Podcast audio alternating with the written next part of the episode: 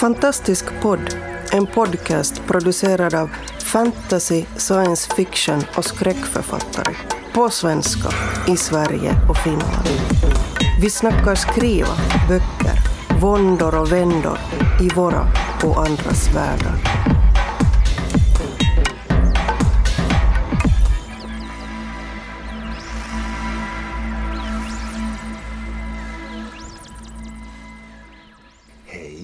Och välkomna till Fantastisk podd och Västkustgruppens missnöjda avsnitt. Idag ska vi prata om böcker som har gjort oss lite mindre nöjda när vi har läst dem. Observera dock att vi fortfarande är mycket vänliga mot dem. Inte avser att såra, men kanske smi- lite smått fnissar åt någon grej då och då. Och som vanligt är det inte personen på filmen som har skrivit brevet. Däremot medverkar Liv! Susanna! Paul. och Fredrik. Yay! Vad bra det gick. Var ska vi börja då? då? Jag tycker nog Liv. Ja, jag tycker nog det. Hon är den mest missnöjda. Vi, vi kan säga så här att det här avsnittet existerar på grund av mig. Eh, därför att jag läste nyligen en bok som jag hade hoppats på att kunna prata om som en inspirationskälla. Eh, och som blev eh, lite av en d- besvikelse. Kan man säga dispirationskälla? Ja. Saker man lär sig att det här kanske man inte, eller? Ja, och jag har lärt mig ett nytt ord. Tack Fredrik! Jag vet inte ens om det finns det ordet. Så. jo, finns det. det finns... Jo, jag vet inte. Eh, oavsett. Eh, det här är alltså, eh, ska jag börja med att säga, jag gör det här med största värme. Eh, den är skriven på ett eh, årtal när det kom ut mycket väldigt bra och väldigt tvivelaktig litteratur samtidigt. Eh, den är från 84. Eh, och det är eh, en tidsepok som jag älskar att plocka upp eh, thrillers från. Jag läser väldigt mycket eh, böcker från den här tiden. Det, det var också då jag föddes kan jag säga. Bra För alla år. som undrar Ja. hur bra det här året verkligen var. Det var jättebra. Ja, champagne på det. Absolut. Eh, och det vi ska ha med oss då eh, när vi läser böcker från 80-talet det är ju som alla älskar att säga i media nu för tiden, tiderna var annorlunda då. Eh, så när du plockar upp en bok som är skriven av en manlig författare från 80-talet så har man med sig en del grejer, ni vet glasögonen man tar på sig. Så är man så här, det här kan jag förvänta mig när jag läser. Eh, och bör ha lite överseende åt, kunna skratta åt, kanske ha med när jag diskuterar den epoken med någon. Eh, men boken jag har läst har varit lite väl mycket för att man ska kunna bortförklara det. Den heter på svenska En spökhistoria från Manhattan och är skriven av initialerna TM, Thomas Mikael Wright. Han heter nog inte Thomas Mikael, jag bokstaverade initialerna. Ehm, den här boken handlar bara i runda slängar om en kille som efter en flygtur eh, begåvas med förmågan att se spöken. Eh, den är lite sjätte sinnet-aktig i det att han eh, ser folk som man som läsare hela tiden undrar så här, är det där ett spöke eller en riktig person? Men han vet inte om det själv utan han tror att alla, han tar alla för givet. Eh, problemet med den här historien är att den är skriven på ett sätt som är så här. jag gillar inte att slänga mig med termer som chauvinistiska, men den är chauvinistisk. Vi snackar alltså om att så fort en kvinnlig roll dyker upp så ska han bedöma dem utifrån hur upphetsade de gör honom. Eh, så han ska liksom, eh, jag berättade det för er andra innan vi spelade in det här, men det är en, på den här flygturen så ska han berätta om hur den gick till och då börjar han med att säga så här. Min flygtur in började med att jag satt bredvid en kvinna med långa ben och kort kjol och hon, var, hon gjorde mig jätteupphetsad och var jättevacker. Nej jag skojade bara, jag åkte i liksom business class bredvid någon kvinna som var lite mindre smal och eh, klädd i var bylsiga kläder och hon satt och harklade sig och snorade och var allmänt liksom oattraktiv. Och då ska han också kommentera att så här, jag blev inte attraherad av henne. Hon var inte en person som gjorde mig attraherad. Alltså, får jag fråga om han använder uttrycket mindre smal. Nej, nej, nej. Ja, nej. Ja. Eh, Jag tror att han säger fet. Det, med andra vi försöker nu här alltså vara lite, lite, lite mer politiskt korrekta i, i vårt val av språk och eh, också hur vi hanterar materia. Eh, Det ja. hedrar oss, tycker jag. Ehm, Vilket i sig kan vara ganska kul. Ja precis. Utöver det här så är det liksom att så fort en kvinnlig karaktär dyker upp så är det verkligen han ska beskriva dem in i minsta detalj och deras kroppar och hur attraktiva eller oattraktiva de är. Eh, och det märks att han värdesätter dem som personer baserat på det här. Eh, och jag vet inte hur mycket av det här som är författaren och hur mycket som är karaktären. Han kanske bara är världens bästa författare och har valt att göra en, en grisig karaktär liksom. Um, utöver det här så är det också så att det är ju en spökhistoria, liksom. det ska ju handla om hur han ser de här spökena. Och jag får känslan av att han vill att det ska bli en större reveal längre in i boken. Att gud, du kunde se spöken hela tiden. Men man är med på det från att det händer liksom. Eh, han blir nerhånglad av ett medium på den här, den här kvinnan som han är så oattraherad av. Hon hånglar ner honom eh, och för över någon sorts grej till honom där han eh, blir eh, smittad. Tror jag. Bör tilläggas att jag har slängt ifrån mig den här boken efter 120 sidor så det kan komma en major plot twist som jag inte känner till. Men det här är så mycket som jag vet. Eh, och det som stör mig då med den här boken utöver hans allmänna syn på folk är att det finns inget mysterium utan han träffar en person och för mig är det väldigt uppenbart att den här personen är ett spöke. Men de drar med en som att man inte alls ska tro att det är ett spöke. Så det är liksom hon försvann upp på femte våningen och jag sprang efter och hörde hennes klackar och hon rörde sig längre och längre bort och jag är så här, ja för att hon är ett spöke. Alltså så här, va- varför läser jag fem sidor om det här? Hon är ett spöke. Eh, Nå, någon det- som har gått väl långt in på den här kursen om gestaltning då kanske. Precis. Eh, så jag tänkte bara lite ehm, summera ihop det här kanske med vad jag har lärt mig eh, av det här läsäventyret som de här 120 sidorna var. Och det är ju en grej som jag har tänkt på ganska länge. Och det är hur mycket ska jag jobba på att ge min läsare en känsla? Alltså om jag är så här, hon ska bo i ett hemsökt hus och hon ska inte veta om det och det ska hända konstiga saker. Måste jag hela tiden ha så här, hon gick in i vardagsrummet och en, en burk på hyllan stod inte där hon ställde den senast och det var konstigt för hon ställde den ju längre till höger nyss. Alltså så här, ska man, jag har texter som, som är åt det hållet liksom. Eh, och, och läsa såna här böcker Eh, även om jag inte älskar det, hjälper ju mig i den processen. Att okej, men jag får, jag får skita i det. Kan jag till och med säga till läsaren direkt att det här huset är hemsökt? Och när så här, hon blir rädd för att grejer händer som hon inte är med på, måste jag släpa med mig läsaren genom den här gyttjan av att karaktären ska upptäcka det? När jag inte är bra på det. Det finns folk som är jättebra på det, men när jag inte är det, ska jag bara acceptera att jag inte vill bli så här. Jag vill inte att mina färdiga böcker ska se ut så här. eh, och bara skita i det liksom. Jag tror att man kan skriva en bra bok ändå. Ja, men det, jag tänker så här att man lär sig lika mycket av böcker man inte tyckte om som av böcker man tyckte om. Ja, och med det sagt, jag säger ingenting här om hur någon annan ska uppleva den här boken. Om någon har det här som favoritbok så ber jag verkligen om ursäkt och jag tror att pushar man det hela vägen till slutet kanske den är fantastisk. Jag vet inte, men jag, jag hade inte kul. Men jag har kul nu, så tack. Men, men man, som sagt, man lär sig något av att sluta läsa också. Och jag är lite galen och jag brukar pressa mig igenom de där böckerna som jag tycker är fasansfulla när jag väl börjat. Just för att se, det här har blivit utgivet. Vad är det folk gillar i det här? Hur, kommer det, hur funkar det här överhuvudtaget? Är det något jag inte fattar här eller är det något jag borde fatta? Det kan ju faktiskt vara böcker som är erkänt bra som bara jag inte råkar gilla eller du inte råkar gilla. Det behöver inte vara som den här som verkar kanske lite tveksam då. Men eh, det kan ju vara så och då kan det vara intressant att se vad är det som gör att just den här tickar på det sättet. Så. Låter fruktansvärt. Men, eh, jag slutar till och med läsa böcker som jag gillar. Så Ah. jag har vänt på det där. Ja. Ja, jag tänkte ju prata om någon som jag inte är fullt så missnöjd med faktiskt. Den heter Kärlekens Antarktis av den kända författarinnan Sara Stridsberg. Jag har blivit avvännad på Facebook på grund av att jag la upp en recension av den här innan jag hade läst boken. Oh! nej. För den här, den här recensionen sågade den. Och jag skrev bara, jag har inte läst boken, eh, jag vet inte hur den är, men Jag hade en liten invändning.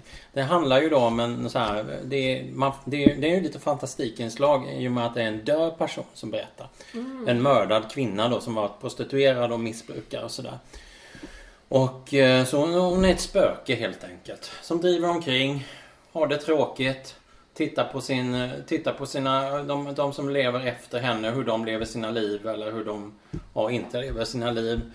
Eh, eviga omtagningar av hur hon dog. Hur hennes huvud hamnar på botten av en sjö. Hur hon blir våldtagen. Och liksom och så vidare. Eviga omtagningar. Och just det här. Eh, det har ju varit så här liksom rätt mycket skriverier och ja, diskussion om att deckare, där dör det väldigt många kvinnor. De dör på hemska vis. Varför ska det vara på det här viset? Det var till och med någon tävling om liksom skriv en deckare där ingen dör på något hemskt vis eller hur det nu var. Det, det, skulle, det skulle vara snäll i alla fall. En snäll deckare på något vis. Och sen så dyker då Sara Stridsberg upp och, och liksom Ja, tar det om och om igen liksom. Och det tycker jag ju liksom, men då är hon så jävla känd så det är liksom, och, det, och då är det jättebra på något vis. Då är det jättefint och Ja, bara för hon är kvinna då så kan, då är det okej att skriva om misshandlade, döda, stympade, styckade kvinnor. Fast det kan ju lika gärna vara ett internaliserat förtryck. Och det var ju liksom det lite jag skrev sådär. Men då var det en som blev, hon blev skitsur på mig. Nej, det här var vidrigt. Det var hemskt skrivet av dig. Samtiden, usch! Jag avvännar dig typ. Eller nej, det skrev hon inte men sen märkte jag att jag var det. så så var det. Men annars var det ett rätt så trevligt språk och sådär. Det var ju väldigt deprimerande då. Det var ju det, hände, det var ju liksom det här som den, den döde sa. Ja, det var så här mitt liv skulle bli. Jag ser ju tydligt så här. Så från punkt A så var det bestämt att punkt Ö skulle bli så här. Ja. ja. Och så eviga omtagningar då av, av hur hon blev styckad och mördad och, och så. Ja, jag har Ja. tänkt på det ofta med att, alltså, och det här, är, det här är inget vi ska gå in djupgående på för det kan klyva hur många vatten som helst. Men just det här med att ehm, det finns någon sorts sån här, jag får inte riktigt ifrågasätta den här grejen eh, därför att jag inte ehm, är någon sorts representant för det. Att så här, eh, när du skriver att, ah, men vad, vad är det här för någonting?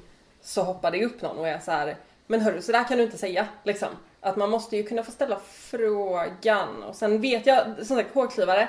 eh, men jag känner mig alltid splittrad också. För det finns väldigt mycket där man skulle vilja säga så här, men hallå, varför, varför är det här okej när man precis har haft debatten om det här?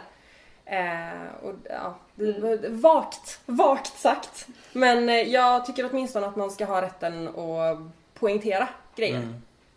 Jag tycker det är bra att diskutera varför ska man skriva på just det här sättet? Varför är det typ 20 böcker där de styckar liksom kvinnor och liksom typ en som de inte styckar en man. Liksom, eller Någonting sånt. Så det tänker jag ju på när jag skriver själv och sådär. Liksom. Men jag tyckte ändå det var liksom upp... Och alla andra som svarade tyckte det var lite intressant. Och så det är en person som blir helt topptunn och rasande sådär liksom. Och men det tyckte jag var lite överdrivet. Så. Men annars var det, ja, hade sina fördelar och trevligt språk och sådär. Det låter Den, som... den den här recensenten då, hon, hon bara sågar rakt igenom liksom. Hon tyckte det var klyschigt språk och allt möjligt. Så jag kanske inte riktigt håller med sådär. Nej, det Ja. låter ju som en väldigt typ, så melankolisk och, och fin berättelse så sett. Ja, melankolisk i alla fall. Ja. Ja. Sen har jag en annan bok här. Då kan vi gå över till den. Torterarens skugga. Eh, Jag började läsa om, jag har läst de här Den nya solens bok. Det är fyra böcker då. Den första av Gene Wolfe förresten. Och den första heter då Torterarens skugga. Det handlar om en torterare som gör sig skyldig till den hemskaste eh, brott som en torterare kan göra sig skyldig till. Nämligen barmhärtighet då liksom. Nej. Fy fan alltså vad vidrigt. Han Ja. avrättar också. Och då avrättar han inte utan han ser till att någon dör i förtid. För av ren barmhärtighet liksom så. Ah. Så, och då får han lämna sitt skrå och ge sig av ut i den stora staden. Som typ tar en hel jävla bok att komma igenom. Sen kommer han ut ur staden i nästa bok. Och, Det är en väldigt lång stad. Ja, det är en väldigt stor stad så. Eh, och jag tycker ju Jag tycker om den här för att den är Jag tycker han har en lite så här reflekterande stil. Den den är skriven i jag-form. Och en ganska reflekterande stil när han berättar liksom allting om vad han är med om. Eh, som man sällan ser i så här fantasy. Fast egentligen är väl mer kanske SF men det är ju mest den utspelar sig i framtiden men den känns väldigt mycket som en fantasybok så att säga. Uh, och uh, lite så här en osäker berätt... Alltså man är osäker på om han egentligen berättar sanningen för en riktigt så här, ja. Han kanske förskönar eller någonting. Han säger att han minns allting väldigt bra men jag har mina tvivel ibland. Så. Det, jag tycker om den här myllrande staden som och är väldigt fantasifull och sånt. Sen är det ju det är ju en vattendelare i hela den här boken. Apropå vattendelare. ja men ungefär. För jag har också läst den, hela serien Nya Solens bok och, och det, det, är ju ganska känt bland, bland de som läser den att en del tycker den är jättebra och fantastisk och bland det bästa som skrivits. Jag tror det till och med står ett citat här på, jag har samma utgåva som Paul by the way. Står den mest imponerade, det mest imponerande fantasyverk jag någonsin läst, bättre än Tolkiens. Det står ingen som har... Jo. jo, det är BBC Radio 4 då. Men vem på BBC Radio 4 som sa det, det vet jag inte. Om själva radiostationen sa det eller om, om det var någon människa där. Det, det är lite oklart. Men... men då, då, då, är det ju som så att jag, jag, jag tillhör väl kanske gänget som är lite besviken på den då. För jag tycker att det är ett jättespännande koncept och, och jättespännande upplägg. Och precis som du säger det här att brottet då är att vara barmhärtig och, och, och så. Det, det, det är jättecoolt och många saker som finns att gilla här. Men den är så ursäkta, fruktansvärt förvirrad. Eh, jag hänger inte med på hur saker hänger ihop. Eh, jag hänger inte med på hur de tar sig från A till B. Ibland är det väldigt långa passager som inte handlar om någonting alls. Och det är en massa mystiska sagor som är insprängda som är ganska ointressanta. Eh, alltså, enligt min uppfattning. Ja, ja enligt din uppfattning. Ja. ja.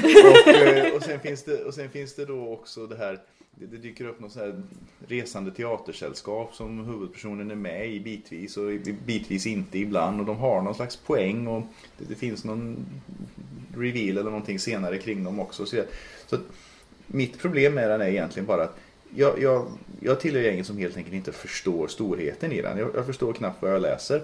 Eh, och, och, det blir inte bättre när man då måste när man då läser om det på nätet och inser att det finns liksom hela tolkningar om, av den här. Om någon som skriver att man måste läsa den tre, fyra gånger för att förstå vad den handlar om. Ehm, så att, när jag läser den här då tar jag med mig att bitvis är den välskriven och bra, bra språk och det finns en tanke i den.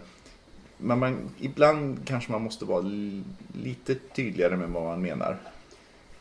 Alltså jag tänker så här. Om man måste läsa en bok tre, fyra gånger är den verkligen bra då? Eller har man bara så här fjärde gången man läser, ja men då kan jag lägga in min egen lore i boken så att för mig blir den bra för jag lägger in massa undertext. Alltså jag tycker att det är en intressant fråga. Därför att det är också lite så här, vad är litteratur och vad är liksom eh, något man kan konsumera? Därför att det är precis som med film och musik och allt möjligt att vissa gillar ju så här typ obskyr fusion jazz. Eh, jag på vissa dagar bland annat. när det verkligen är så här. Vissa dagar förstår jag inte vad det är jag lyssnar på och andra dagar sitter jag och lyssnar och är så här. Ah, okej, okay. ah, det här är superstimulerande och intressant och det händer olika grejer. musik och sånt. Ja men precis. Eh, vissa dagar är det som att massera hjärnan liksom och samma sak kan man ju mm. få ut av att läsa vissa böcker om och om igen och de börjar obegripliga och sen så hittar man mening i dem. Mm. Eh, men å andra sidan så är det så här det är ju inte lättkonsumerad kultur på det sättet. Men det är ju fortfarande en bok. alltså nu måste jag ju protestera här. Jag läser om den nu. Första, bok, första gången jag läste var jag väldigt förtjust. Liksom. Jag hade ju inga så här, jag vet inte, jag bara hängde på. Mm. Och liksom, det är en torterare, han har en svart mantel som är så svart så att den liksom, så att det, det liksom, man kan se inga veck i den. Han har ett långt svärd. Bara en sån sak. Med någon blykula i så att den liksom hugger Ja, just det. Dessutom. Jo, det är ju jättebra liksom. Bara, ja, men det, det, förstår man ju tydligt. Och så dör de lite då och då. Så. Men mer behöver man inte. Och så går han genom staden, stöter på lite folk. Ungefär som när man själv går i Göteborg. Sådär liksom. Man, man är med i något litet teatersällskap. Det är någon konstig sekt. Som man hopp, och sen, sen blir man utmanad och slåss med en blomma. Det kanske man inte gör så ofta. Men, men det alltså, händer. Man slåss inte med blomman. Alltså, blomman är vapnet. Blomman är vapnet, ja men det är väl lite fiffigt ja, lite... sådär. Ändå lite trevligt. I, I, dessa skjutningarnas tider. Ja, absolut. Ja. Alltså den låter ju lite som första Isfolkes-boken. Slåss de med blommor då? Nej, men just det här eh, mycket svärd, mörka mantlar, långa strapatser. Ja men det är ju mest att de är i, i stan.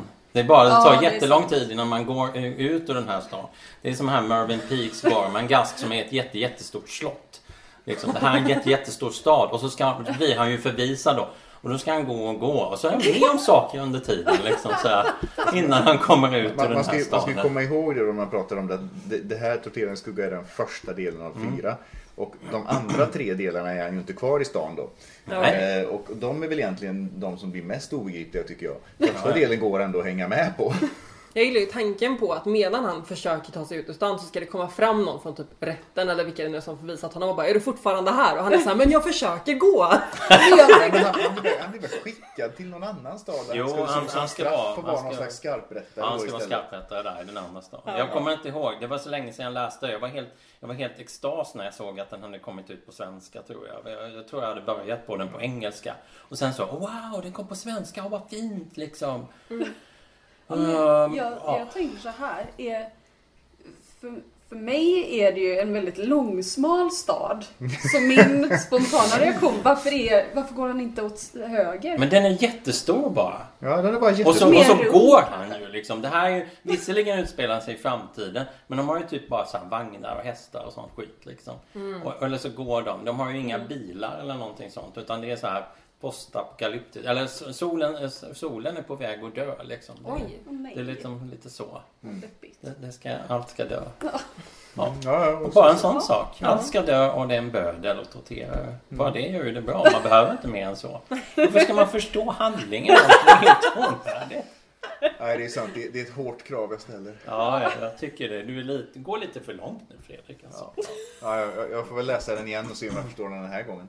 Ja, Det här är som när jag och Susanna såg Tinker Tailor Soldier Spy på bion.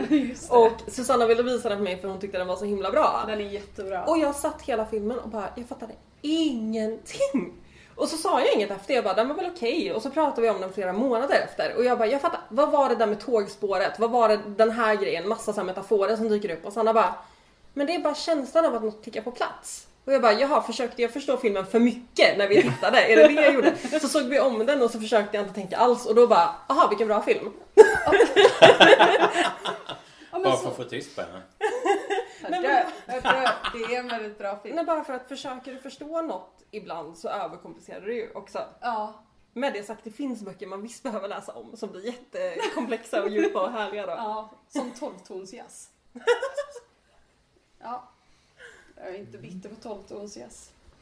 Det var, det kan jag säga, det var den tråkigaste musikvetenskapslektionen jag hade. När jag läste musikvetenskap, tolvtonsjazz. Jag bara, jag fattar konceptet. Men jag tycker inte om det. Vem gör det, höll jag på att säga. Liv! I vissa dagar. Tolvtonsperiodaren. Ja, nej, jag, jag är ju alltid nöjd när jag läser böcker. Så jag... Jo, jag har ju faktiskt en. Kom jag på. Eh, och, och jag vill börja med att säga att ni som inte håller med, jag är helt okej med det. Eh, alla får tycka som alla vill. Men Jim Butcher och Dresden Files-serien. Eh, det är så här hårdnackad magideckare. Jag är ju mycket inne på magideckare. Um, och han, han ska vara så noir. Han ska vara så noir att eh, det är lite samma problem som den här Manhattan Ghost Story-boken hade. Att dyker upp en kvinnlig karaktär måste han få fram hur snygg hon är. Alla är jättesnygga. Eh, till och med de som inte är snygga måste vara snygga. Men det är åtminstone Jag inkluderande. tänkte säga det. Då, då är ju alla... Det är motsatsen till TM Right. Kanske. Men varje gång det dyker upp en man, då måste han eh, påpeka hur lite bög han är. Vilket gör att jag är så här, det här handlar ju om en, en homosexuell man i garderoben som försöker Ja. kompensera. Men det, det är verkligen på nivån, ah, den här snubben dök upp, men jag är ju inte bög. Och jag bara, okej, ingen frågade. Och jag blev så, jag läste första boken och det räckte för mig. Jag tror han är uppe i 15 Ja, Nu. Något sånt. Ja. Eh, så han kanske skärper sig. Jag vet Han inte. kanske blir bög i sista boken. Ja, precis. Precis. Då hoppar jag direkt till den. Den sista boken heter The Man in the Closet. Ja, precis. Ja, jag skulle ju inte vara förvånad. With his magic staff. Ja. Ja. Nej men det... Den eh, kunde jag inte läsa. För jag tänkte att nu, nu försöker du bara kompensera. Och det, det tar mycket av alla de här orden som du hade kunnat lägga på den väldigt spännande historien. Men är det att han liksom försöker att tala om också att det är inte bara alla kvinnor som är väldigt snygga utan alla män är också väldigt snygga men jag skulle inte ligga med dem för att jag är absolut inte liksom. Alltså jag tror inte att han går in på deras utseende lika grundligt. Han är nämligen inte bög. Precis. Precis. Och, men alla kvinnor ser ut som cheerleaders. Till och med den hårdnackade poliskommissarien han jobbar med Oj. ser ut som en cheerleader. Och jag är såhär, nej, Jean Butcher. Det gör hon inte. Hon går inte runt med sån här pompoms och, Och så här kort kjol och höga strumpor. och, säger, nej. ram, och säger ramsor istället för de här Miranda rights. Ja, nej men så den, eh, den gjorde mig arg. Eller inte arg, den gjorde mig eh, Upprörd. upprörd. Och jag lärde mig att ska jag skriva en bok så ska jag ha lite mer varierade människor och karaktärer. Även om jag skriver i första person. Jag kan tycka att det är en ganska intressant eh, ändå läxa. Eh, för det, när jag skrev min första eh, bok, får man inte säga, man får säga text, som var boklång. Eh, så jag har blivit hårt kommenterad för att jag Okej. kallade det för bok innan den var utgiven, så nej, text. Eh, jag, eh, i alla fall, baserade den på en rollspelskampanj jag hade. Eh, och sen så satte jag egen, egen påhittade karaktärer i den världen. Och jag ville ju göra så coola karaktärer som möjligt. Så alla var ju så coola och hade så sjukt bra alltså, utseenden. Det var så här, just då så målade jag mycket långslanka personer så alla var långslanka och alla hade liksom si och så hår och alla hade den här snygga frisyren när man har lite kort på sidorna och lite längre högre upp och liksom eh, och alla tjejer hade lite lockigt hår och sen insåg jag ju också när jag började läsa in beskrivningarna att så här jag kan inte, det här är in, ingen kan relatera till en värld där alla ser lite fotomodelliga ut liksom. Så det är ju något man kan lära sig av Jim Butcher också. Sen tyckte jag den föll väl lite på, jag har läst den också och den, den, var, den, var, den hade sina grejer som jag tyckte var kul så. Det får jag ändå medge. Det var, det var en massa kul planteringar och det var liksom snygga vändningar i storyn och så som jag tyckte var skoj. Men, men den var lite, som sagt, den var lite för noir för mig också. Det var lite det här det här klassiska, det är nog ingen annan som säger som jag brukar kalla det för rännstensdeckare. Och det beror på att liksom vid minst ett tillfälle, gärna flera, så blir ju deckaren slash hjälten eh, nedslagen av någon skurk eller några skurkar och hamnar i rännstenen eh, och, och ligger där och, och blöder och är sm- smutsig och, och dan. Och lösningen på detta det är då att ramla in på närmaste krog och beställa fyra fingrar whisky eller liknande, suga i sig det och sen liksom gå vidare. Eh, Hur, huruvida tänderna sitter kvar i munnen eller inte, det, det diskuteras liksom. Så, så jag fick lite, det var lite för mycket noir för mig också. Eh, så det, det var väl det jag tänkte på om den. Mm. Med det sagt är den väldigt populär. Så jag gör mig inte till ovän med någon. Vill jag bara säga. Nej, nej, och han har ju skapat ett väldigt smart och spännande koncept som man kan bygga på också. Så att, eh, det är ju trevligt om man gillar att läsa en serie. Med... Jag har ju bara sett själva tv-serien men jag tycker den är härlig. Ja, men jag tror att tv-serien är bättre. Det är mindre cheerleaders och mindre inre monolog. Ja, den är väldigt mycket så här, åh titta på de här intressanta personerna Ja. och hur de mår liksom. Och så mår man dåligt halva tiden och halva tiden och så gud vad coolt! Typ. Mm. Det är fantastiskt. Och med de orden att allt ändå är coolt. så tackar vi för oss för den här gången. Tack för att ni lyssnade! Hej då. Hejdå! Hejdå! Hejdå! Hejdå! Du har lyssnat på Fantastisk podd. Om du trivdes i vårt fantastiska poddsällskap och vill ha mer så hittar du äldre poddar och information om oss som deltar på vår hemsida under fantastiskpodd.se och på vår Facebook-sida Fantastisk podd. Har du frågor eller förslag på vad du tycker att vi ska tala om, hör gärna av dig antingen på Facebook eller via kommentarer på hemsidan. Vi hörs!